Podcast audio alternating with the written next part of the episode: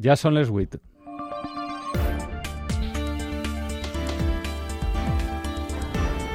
Les notícies de la nit. Amb José Soler.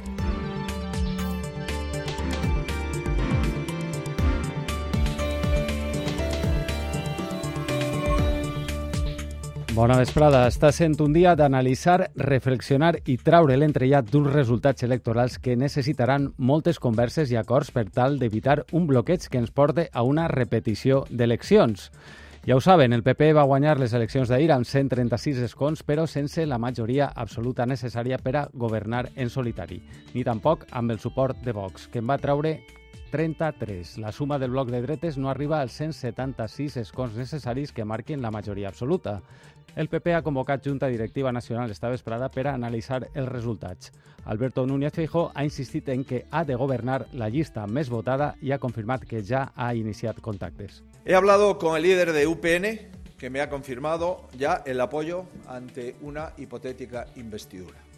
Así como con el presidente de Coalición Canaria, con quien se ha abierto el camino al mismo efecto.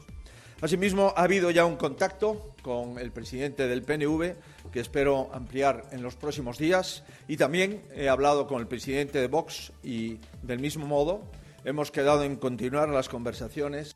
I a l'altra banda del tauler polític, el PSOE ha obtingut 122 diputats i diputades. Els socialistes consideren que han aconseguit el seu objectiu, frenar les expectatives de la dreta i l'ultradreta. Avui, a les portes de l'executiva socialista, el ministre Félix Bolaños mostrava alegria. Y España ayer a la coalición ultra le dijo no y la paró en seco. Por tanto, es un día de mucha alegría para toda la gente progresista que lo que queremos es que España siga avanzando. Un optimisme que comparteixen en Sumar. Ernest Urtasun ja veu un govern de coalició d'esquerres. Tenemos que empezar a trabajar porque, insisto, Feijó no tiene los números para ser investido, no será investido, Feijó no va a ser presidente de este país, solo hay una investidura posible y, por lo tanto, lo que hay que hacer es ponerse a trabajar desde ya. Caldrà, però, que busquen acords amb els seus actuals socis d'investidura com el PNB, Esquerra, Bildu o el BNG. Una suma que fa 172 escons. Amb estos comptes sembla clau la posició que adopten els set representants de Junts. La seva portaveu, Míriam Nogueras, posa condicions. El dret a l'autodeterminació, un referèndum, l'amnistia, s'ha de començar per aquí. Veurem si prefereixen parlar d'estat a estat, de nació a nació, o, o volen que repeteixin eleccions. Estos són els principals arguments informatius del dia, però en tenim més que repassem ràpidament en titulars amb Martina Palla, el control tècnic Juan Alpuente. Associacions de pares i mares reclamen que les mesures que s'han implantat en els col·legis electorals per a combatre la calor, la majoria en centres d'ensenyament, s'apliquen també durant el curs escolar.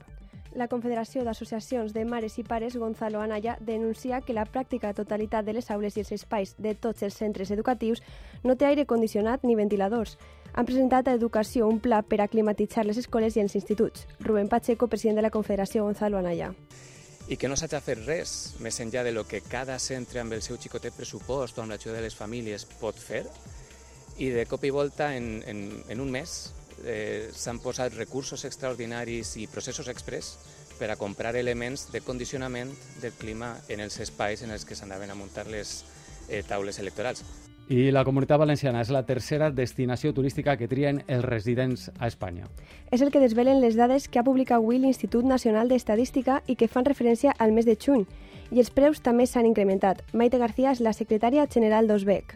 superando eh, los 100 euros de media en cada uno de los mm, destinos analizados de Comunidad Valenciana, incluso resaltando el destino Valencia en torno a los 120 euros.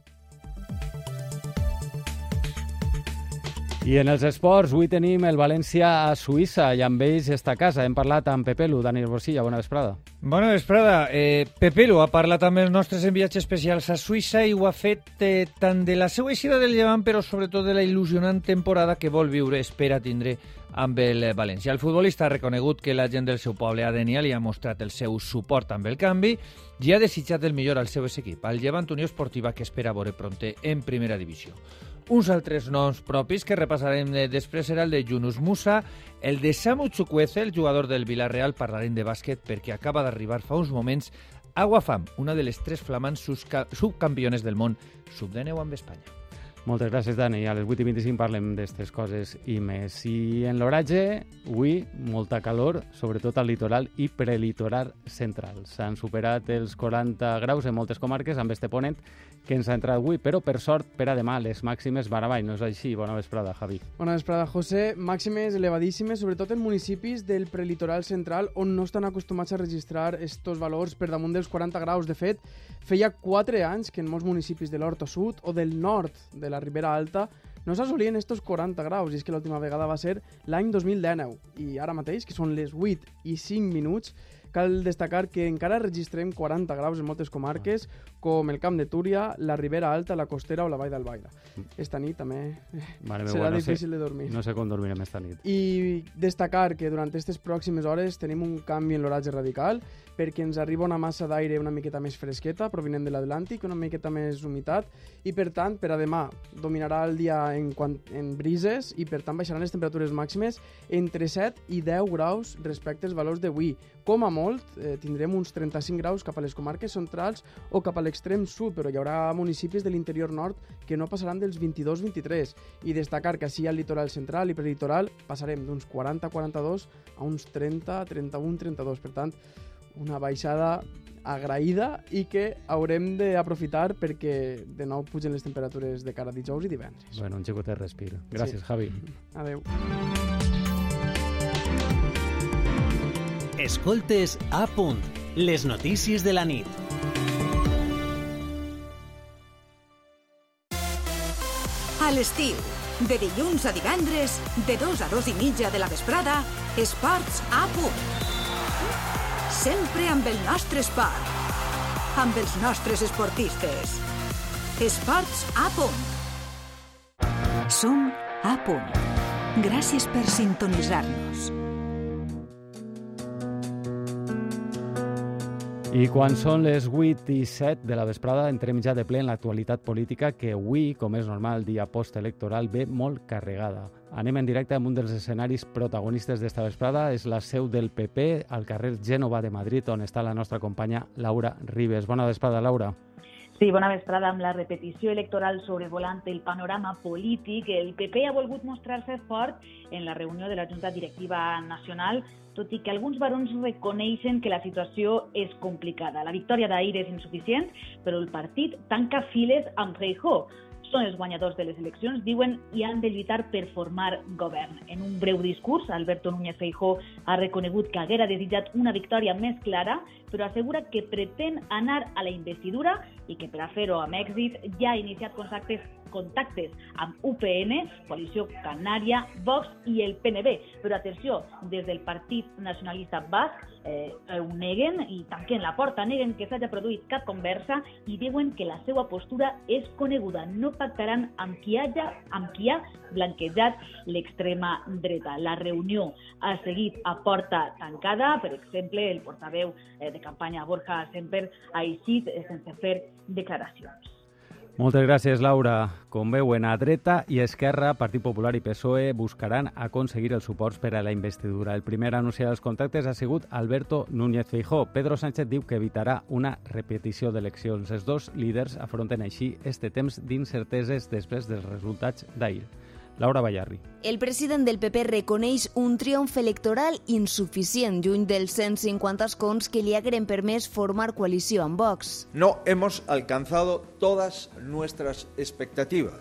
I a partir d'ací, Alberto Núñez Feijó planteja tres escenaris possibles. El primer, governar, i a mi se propòsit ja ha despenjat el telèfon. He hablado con el líder de UPN, que me ha confirmado ya el apoyo, así como con el presidente de Coalición Canaria, con quien se ha abierto el camino al mismo efecto. Asimismo, ha habido ya un contacto con el presidente del PNV, que espero ampliar en los próximos días, y también he hablado con el presidente de Vox. El segon escenari és el bloqueig i la repetició electoral a finals d'any. I el tercer... La coalición de perdedores, con aún mayores exigencias y presencias de los independentistas. Des de Gènova 13, els barons populars tanquen files amb Feijó. Escoltaran Carlos Mazón, Fernando López Miras i Juanma Moreno. Una autoridad moral y una necesidad de estabilidad gracias a Alberto Núñez Feijó. Ha sacado al partido de una situación crítica en la que se encontraba. Ha ganado las elecciones ayer. tot i que en les paraules d'Isabel Díaz Ayuso, la presidenta de la Comunitat de Madrid, hi ha un matís. ¿Está en entredicho el liderazgo de Núñez Feijóo? No creo. Les sensacions recollides este matí a la seu dels socialistes eren ben diferents. Sí, he dormido fenomenal. Un resultado muy, muy bueno en el Congreso, así que muy, muy contenta. Muy contenta. Entre aplaudiments i felicitacions, el secretari general del PSOE ha dit a la seva executiva que no contempla la repetició electoral i que trobarà la fórmula de la governabilitat. I a la Comunitat Valenciana, el PP ha sigut el partit més votat. El pacte amb Vox no ha passat factura al bloc de dretes. Una crònica de Vanessa Sánchez. Sí, he dormido fenomenal. Un resultado muy, muy bueno en el Congreso, así que muy, muy contenta. Muy contenta. España ayer a la coalición ultra le dijo no y la paró en seco. Por tanto, es un día de mucha alegría. No era este el contingut que volíem escoltar. Anem a veure si és possible escoltar la crònica de la nostra companya Vanessa Sánchez. La dreta consolida la seva hegemonia amb 18 escons. Els populars aconsegueixen 5 diputats més que en 2019, 13 en total, i pugen en nombre de vots respecte al mes de maig. Carlos Mazón, president de la Generalitat. Nuestro pacto de gobierno lo que ha hecho es eh, verse consolidado en la comunidad valenciana ha podido ver usted cómo hemos ampliado apoyos, hemos ampliado diputados. Vox perd dos escons respecte a les últimes eleccions generals i se'n queda amb 5, però millora el nombre de vots respecte a les eleccions autonòmiques, com explica el vicepresident del Consell, Vicente Barrera. He subido 110.000 votos, hemos sacado 400 y pico mil votos a la Comunidad Valenciana. El bloc de l'Esquerra té 15 diputats. Per al PSPB han sigut els millors resultats des de 2008 perquè han guanyat 100.000 vots respecte a maig i sumen 11 diputats. Compromís Sumar aconsegueix 4 escons, insuficients per a conformar grup parlamentari propi. Escoltem el secretari general dels socialistes valencians, Ximo Puig, i la diputada electa de Compromís Sumar, Àgueda Mico. El resultat electoral el considerem extraordinàriament satisfactori, se pugui tindre el govern que han decidit els ciutadans, que ha de ser un govern obert, progressista i que entengui la pluralitat d'Espanya. Compromís Sumar posant damunt la taula l'agenda política valenciana, estarem per la conformació d'un govern progressista en l'Estat. El PP ha guanyat en les tres demarcacions valencianes i a les ciutats principals. I els grups parlamentaris tenen fins avui per a triar quines seran les seves propostes a senadors territorials. Dels sis senadors que subiran les Corts, el Partit Popular ha presentat els tres candidats. L'exvicepresident i conseller d'Hisenda de la Generalitat Valenciana, Gerardo Camps, serà un d'ells. També l'actual alcaldessa de Bigastre, Teresa Maria Belmonte, i l'independent Fernando Carbonell, acordat amb Vox. Des del PSPB presentaran dos senadors, un d'ells serà Ximo Puig i l'altre Rocío Briones. Per part de Compromís, Carles Mulet ja s'ha postulat com l'únic senador territorial del partit, encara que també es contempla la possibilitat de que Enric Morera ocupe este lloc. Les negociacions en punt mort i apuraran fins l'últim moment. I en clau estatal i, estatal i de governabilitat, eh, un dels partits que pot tindre esta clau és Junts per Catalunya, que analitza esta vesprada resultats en una executiva. Josep Rius, el vicepresident del partit, ha assegurat que és moment de refer la unitat independentista. L'executiva de Junts per Catalunya també ha confirmat que és el moment de refer la unitat independentista i en aquest sentit doncs, allarguem la mà a Esquerra Republicana, allarguem la mà també a la CUP, allarguem la mà el conjunt d'entitats independentistes. Amb aquests resultats, el fantasma del bloqueig polític ha reaparegut. La governabilitat del país està en l'aire i bona part de la solució es troba, dient, en el que decidisquen els partits nacionalistes. Manel Biosca. El nacionalisme basc i el gallec, amb Bildu, PNB i BNG, tot i fer valdre els seus vots, es mostra procliu a donar suport de nou a un govern progressista liderat per Pedro Sánchez.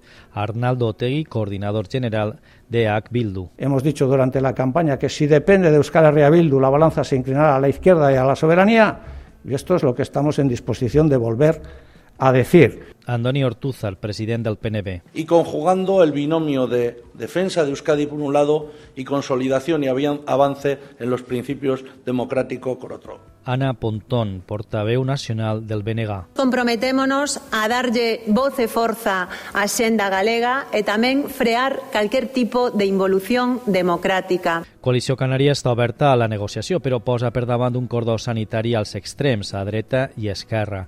José Miguel Barragán, coordinador valor de la campaña de Coalició Canària. Anoche los, ambos dijeron que iban a tomar la iniciativa, a ver quién lo hace y con qué socios cuenta. Però són els partits independentistes catalans els que poden reeditar el govern de Sánchez mentre els republicans reclamen una negociació conjunta.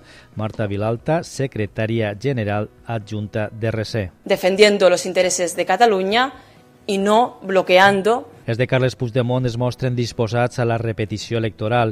L'exdiputat dels Comuns, Jaume Asens, en representació de Sumar, està conversant directament amb Carles Puigdemont per abordar esta negociació. Un Puigdemont que ironitzava avui en un tuit sobre ser decisius per a formar el govern espanyol alhora que s'emet un ordre per detindre'l. I en este context, la Fiscalia ha sol·licitat al jutge instructor del procés, Pablo Llarena, que reactive les ordres de cerca, captura i ingrés en presó dels eurodiputats Carles Puigdemont i Toni Comín. L'objectiu és que Bèlgica els entregue a Espanya per a continuar el procediment penal per referèndum il·legal de l'1 d'octubre de 2017 s'enfronten a un delicte de malversació que podria suposar una pena de presó d'entre 6 i 12 anys. Este matí han detingut l'eurodiputada de Junts, Clara Ponsatí, per haver entrat a Espanya i no haver comparegut davant la justícia espanyola pel xui del procés. Després de ser interrogada al jutjat de guàrdia, l'eurodiputada ja està en llibertat. Estàs escoltant A punt, les notícies de la nit. I encara relacionat amb este bloc, torna a funcionar la línia ferroviària entre València i Madrid. El trànsit s'ha reprès a les 6.35 amb l'eixida del primer comboi des de l'estació de l'AVE Joaquim Sorolla de València. La suspensió va afectar uns 5.000 viatgers de Renfe, Irio i Wigo a un dia marcat per la jornada electoral i el turisme. Les companyies ja han començat a tornar els diners als usuaris que no van poder viatjar. Escoltem la delegada del govern a la comunitat valenciana, Pilar Bernabé, i l'alcaldessa de València, Maria José Català. Va ser un accident eh, que es va produir per aquest incendi i després eh, la inundació posterior derivada de poder apagar l'incendi. Va ser molt difícil, com vos dic. Ara està en un moment en el que se van investigar les causes de l'incendi. Estan començant ara. Se van quedar sense votar a la seva ciutat, no? I jo penso que és per a reflexionar, reflexionar i sobretot eh, estic satisfeta de que s'obri la investigació. I avui, en una reunió molt tensa, el Consell Valencià de Cultura ha lamentat este matí l'eliminació del nom de Vicent Torrent de l'Auditori Municipal de Torrent.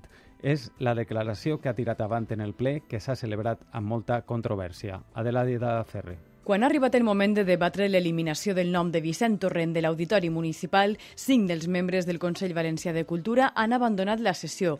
Un d'ells és Ascensió Figueres. Considerem que esta és una institució fonamentalment consultiva i d'assessorament i que no tenien que entrar a valorar decisions, acords d'unes altres institucions, com és en aquest cas de l'Ajuntament de Torrent. En aquest moment, els membres presents, entre ells el mateix Vicent Torrent, que també n'és part, han emès una declaració per unanimitat, on apunten que aquest tipus de decisions ens allunyen d'una societat on cap tota la ciutadania.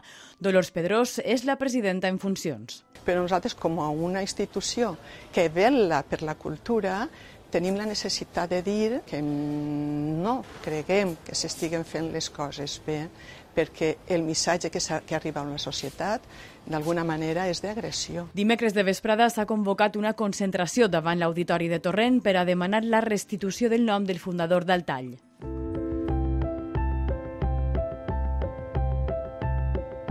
I canviant d'assumpte, la Comunitat Valenciana és la tercera destinació turística que trien els residents a Espanya. És el que desvelen les dades que ha publicat avui l'Institut Nacional d'Estadística i, i que fan referència al mes de juny. Un tercer lloc que representa un 12,6% del total del turisme nacional. Amparo Peiro. La comunitat valenciana és la tercera destinació més visitada pels turistes espanyols, una llista que encapçala Andalusia amb més del 21% i Catalunya amb prop del 16% de les pernoctacions. Està cerquita, se come muy bien, la playa és una gozada. A tot Espanya, les pernoctacions han augmentat el primer semestre de l'any un 13,5% han arribat al seu màxim històric amb 150 milions d'estades i els preus també s'han incrementat. Maite García és la secretària general d'Osbec. Superando eh, los 100 euros de media en cada uno de los mm, destinos analizados de Comunidad Valenciana, incluso resaltando el destino Valencia, en torno a los 120 euros. L'estada mitjana també s'incrementa respecte de 2022 i se situa per damunt de tres nits d'hotel. Maciel García és la directora de l'Hotel Neptuno de València. Estaremos rondando un 98 98,7, un 99%, es casi un lleno, pero todavía nos falta el que cada día no quede ni una habitación. L'atractiu de la comunitat valenciana per als turistes estrangers també és innegable. Les dades ens situen en cinquena posició. La playa, la paella, todo, todas esas cosas, entonces queremos probarlo. Fenomenal, València molto bella, sí. El 30% dels turistes no residents són del Regne Unit, seguits dels alemanys. I ventalls, aires condicionats portàtils i ventiladors a les aules dels col·legis electorals van ser els protagonistes ahir d'una jornada electoral calorosa que, segons les associacions de mares i pares d'alumnes, van posar de manifest la mancança d'estos aparells durant el curs escolar. Paco Quiles. La Confederació d'Associacions de Mares i Pares Gonzalo Anaya denuncia que quasi totes les aules i els espais de tots els centres educatius de la comunitat valenciana no tenen aire condicionat ni ventiladors. La situació es va fer palesa ahir a les eleccions, però tot i això, diferents administracions es van posar d'acord per a dotar de sistemes urgents de ventilació. Escoltem el president de la Confederació, Rubén Pacheco. Si s'ha pogut fer això en un mes per a una qüestió com aquesta, perquè les xiquetes, els xiquets i els seus docents no poden disfrutar també d'una temperatura òptima com en qualsevol puesto de treball els sindicats van presentar al març una proposta de treball a la Conselleria d'Educació per a millorar la climatització dels centres. Marc Candela és el coordinador d'acció sindical del Sindicat de Treballadors i Treballadores de l'Ensenyament del País Valencià implementar eh, més ombratges en els, en els patis, per exemple, tot el tema de la ventilació de les aules, eh, millorar marquesines que eh, permeten entrar eh, la llum però no la calor. Un pla estructural que ara hauran de negociar amb la nova conselleria. Condemnen a 22 anys de presó l'home que va provocar l'incendi a un edifici de la Malvarrosa on va morir un xiquet de 3 anys l'any 2020. La sentència de l'Audiència Provincial de València també el condena a indemnitzar la família amb 375.000 euros per la mort del xiquet intoxicat pel fum i les lesions i cremades que van patir tant la mare com els dos germans. L'home va confessar haver botat foc al replanell de la quarta planta o pensava que vivia l'exparella per venjança. Les notícies de la nit amb José Soler. I en la informació internacional, el Parlament d'Israel ha aprovat la primera llei de la polèmica reforma judicial que dona més poder a l'executiu front als jutges. Més d'un milió de persones han protestat, més de mig milió de persones han protestat avui contra una reforma que consideren una amenaça que, i que amenaça la democràcia. Rafa Salou.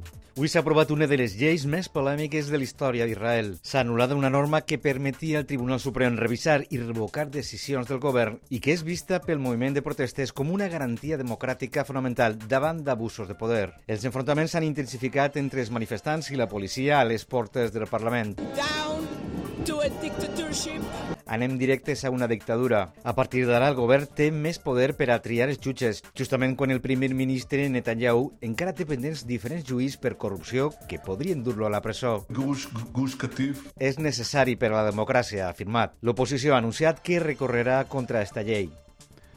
I el foc s'estén descontroladament per Grècia. Hi ha més de 80 incendis i milers d'evacuats entre les illes de Rodes, Corfú i Eubea.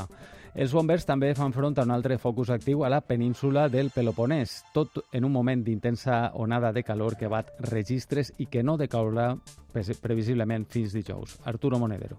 Les flames devoren Grècia. A l'illa de Rodes s'han cremat vivendes, hotels i més de 5.000 hectàrees de bosc verge. El foc ha obligat també a l'evacuació de vora de 9.000 persones. Una tragèdia, diu Maria. Ha perdut el seu negoci, una cafeteria, en només 30 minuts. Segons el govern britànic, entre 7.000 i 10.000 ciutadans seus s'amunteguen als aeroports. Segons Dane, és l'infern a la Terra. Ens conta que hi ha xiquets i majors que no tenen on anar, que no hi ha menjar ni aigua i que algú acabarà morint allà fora. Les flames s'estenen també per l'illa d'Egion i el Peloponès, on s'han superat els 46 graus, la temperatura més alta registrada en tota la història del país. I Rússia denuncia un nou atac ucraïnès amb drons contra Moscou. El Kremlin assegura també que ha neutralitzat dos vehicles no tripulants durant la nit. Un d'ells s'hauria estavellat prop del Ministeri de Defensa. Per la seva part, Kiev denuncia un nou bombardeig sobre un port del Danubi, que deixa almenys sis ferits i la destrucció d'un altre depòsit de gra. La via fluvial per este riu és una de les poques alternatives que li queden a Ucraïna per exportar cereal.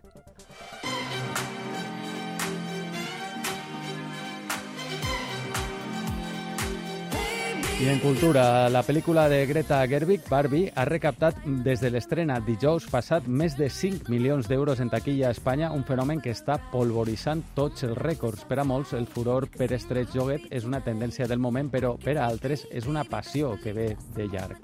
És el cas de la valenciana Carmen Ortí, que fa més de 3 dècades que col·lecciona aquestes edicions especials d'esta nina. Maje Jorge. Tot va començar el 1988 amb una edició especial de la icònica Nina, vestida de pertegat. Va ser la primera de la col·lecció de mil Barbies que Carmen Ortí va arribar a tindre a les prestatgeries de sa casa. Normalment la gent en els canapés té mantes i coses així, jo tinc Barbies. Les té pràcticament totes, però les Silkstone són les més estimades. Silkstone és el tipus de material que està fet la Nina. No són de vinilo, són d'un polímero i pareixen de porcelana. Això sí que és la joia de la corona. La seva passió per Barbie va més enllà de col·leccionar-les. També és tota una experta en reproduir tratges de grans dissenyadors. Valentino, Pertegaz, Dior, i està fet tal qual com si fos per a una persona. Tota una vida dedicada a atresorar una part de la història d'este icònic lloguet.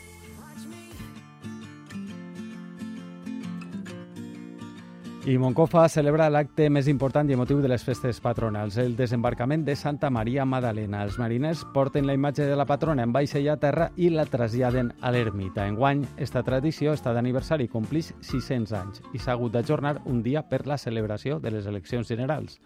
Víctor Vidal.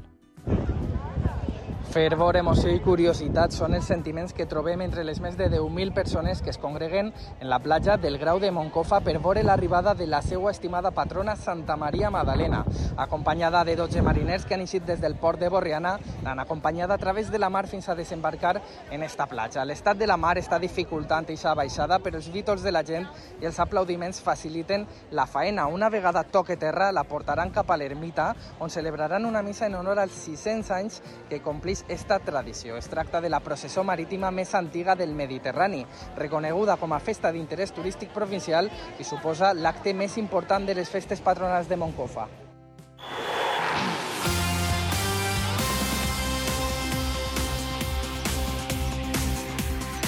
I en la informació esportiva, avui tenim molt del València i sobretot hem sentit a Pepe Lu, Dani Hermosilla. Sí, José, bona vesprada de nou. A falta de notícies en el mercat, sobretot d'eixida, els nos de Cavani i Yunus Musa continuen en este mes eh, d'actualitat. L'únic que ha arribat al club de Mestalla és Pepe Lu. El migcampista de Denia ens ha parlat de l'eixida del Llevant, del respecte al club granota i de la temporada al València de la qual espera que siga bona. Pepe la vol consolidar-se i ja sap el que vol el tècnic Baraja. El sentim. Jo entenc la situació de, i entenc totes les parts, respecte molt l'opinió dels aficionats del Llevant i per una part l'entenc, ojalà el Llevant pujara perquè jo sempre ho he dit que jo sempre vull el millor per ells, tot el món sap que el València és un equip gran. I sobretot el primer dia que vaig estar allà en Dènia, pues, molta gent me parava pel carrer, eh, m'abraçava quasi perquè estava molt contenta de que de que haguera donat aquest pas. Bé, el València continua el treball de pretemporada a Suïssa, Sant Galen, i, avui ha tingut doble sessió d'entrenaments. Junus Musa s'ha entrenat sense problemes en la sessió d'entrenament d'este matí, en superar unes molèsties al genoll, però de vesprada per precaució ja que estava plovent exercitat al gimnàs. Al mateix temps, a València, l'actualitat ha passat per l'Hospital Imet, on Mamar Dasvili ha passat les proves mèdiques preves als entrenaments. En l'entrada, el porter Georgia ha valorat la seva possible continuïtat amb el València. Muy bien, ¿tú? ¿Bien todo? Sí, sí, muy bien. ¿Sí? ¿Con ganas de empezar? Claro, Eh, con ganas. ¿Vas a quedarte en el Valencia Vente, vente. o...? Aún no sé, creo que sí, no Sí? sé. Crec que sí. Qui també ha passat del reconeixement és el portuguès, el portuguès André Almeida. El migcampista està il·lusionat a la nova temporada i també per retrobar-se amb el seu company, és company i amic Pepelu. ¿Contento de volver? Sí, sí, claro ¿Sí? que sí. ¿Contento con el Con- nuevo proyecto de Baraja? Sí, contento por volver y pensar. Sí, y ya conoces a a tu compañero. Sí, sí, es mi colega y mi amigo. Parlem ara del Villarreal. Després de l'estada a la localitat de Suïssa de Sant Galen, els d'aquí que se tenen tingut dos dies de descans i tornaran demà a la feina. Però als despatxos no hi ha descans i després de la sessió de Danjuma a l'Everton, Samu Chukwueze és un altre dels nous de la setmana. Dijous l'equip jugarà als Països Baixos contra el Feyenoord, però sembla que el nigerià ja no estarà en l'expedició grogueta. Les negociacions del seu traspàs al Milan estan molt avançades en aquesta operació. Estarà inclosa la sessió del central rosonero de 23 anys, Mateo eh, Gàbia. El Villarreal no pagarà el conjunt italià pel préstec i només es farà càrrec de la fitxa del jugador. En el llevant, la Fundació Sentans ha rebut tres propostes de viabilitat econòmica i futur eh, del club. Les propostes estan encapçalades per Carlos Ayas, Miguel Ángel Valiente i el conseller José Danvila. I anem a la última notícia. En bàsquet, la selecció espanyola sud-de ja està a casa. Després de proclamar-se subcampiones del món, esta vesprada ha arribat Agua Fam. La escoltem. Muy bien, al final yo creo que demuestra esto todo el trabajo que hay detrás en el Valencia, lo que llevamos entrenando y muy contenta. Bé, era les paraules d'Aguafam arribat fa uns minutets a l'estació de Joaquín Sorolla, a l'estació de l'AVE. Moltes gràcies, Dani. Així posem punt final a les notícies de la nit. Més informació a les 9. Ara queden en companyia de Territori Sonor. Moltes gràcies per estar a l'altra banda.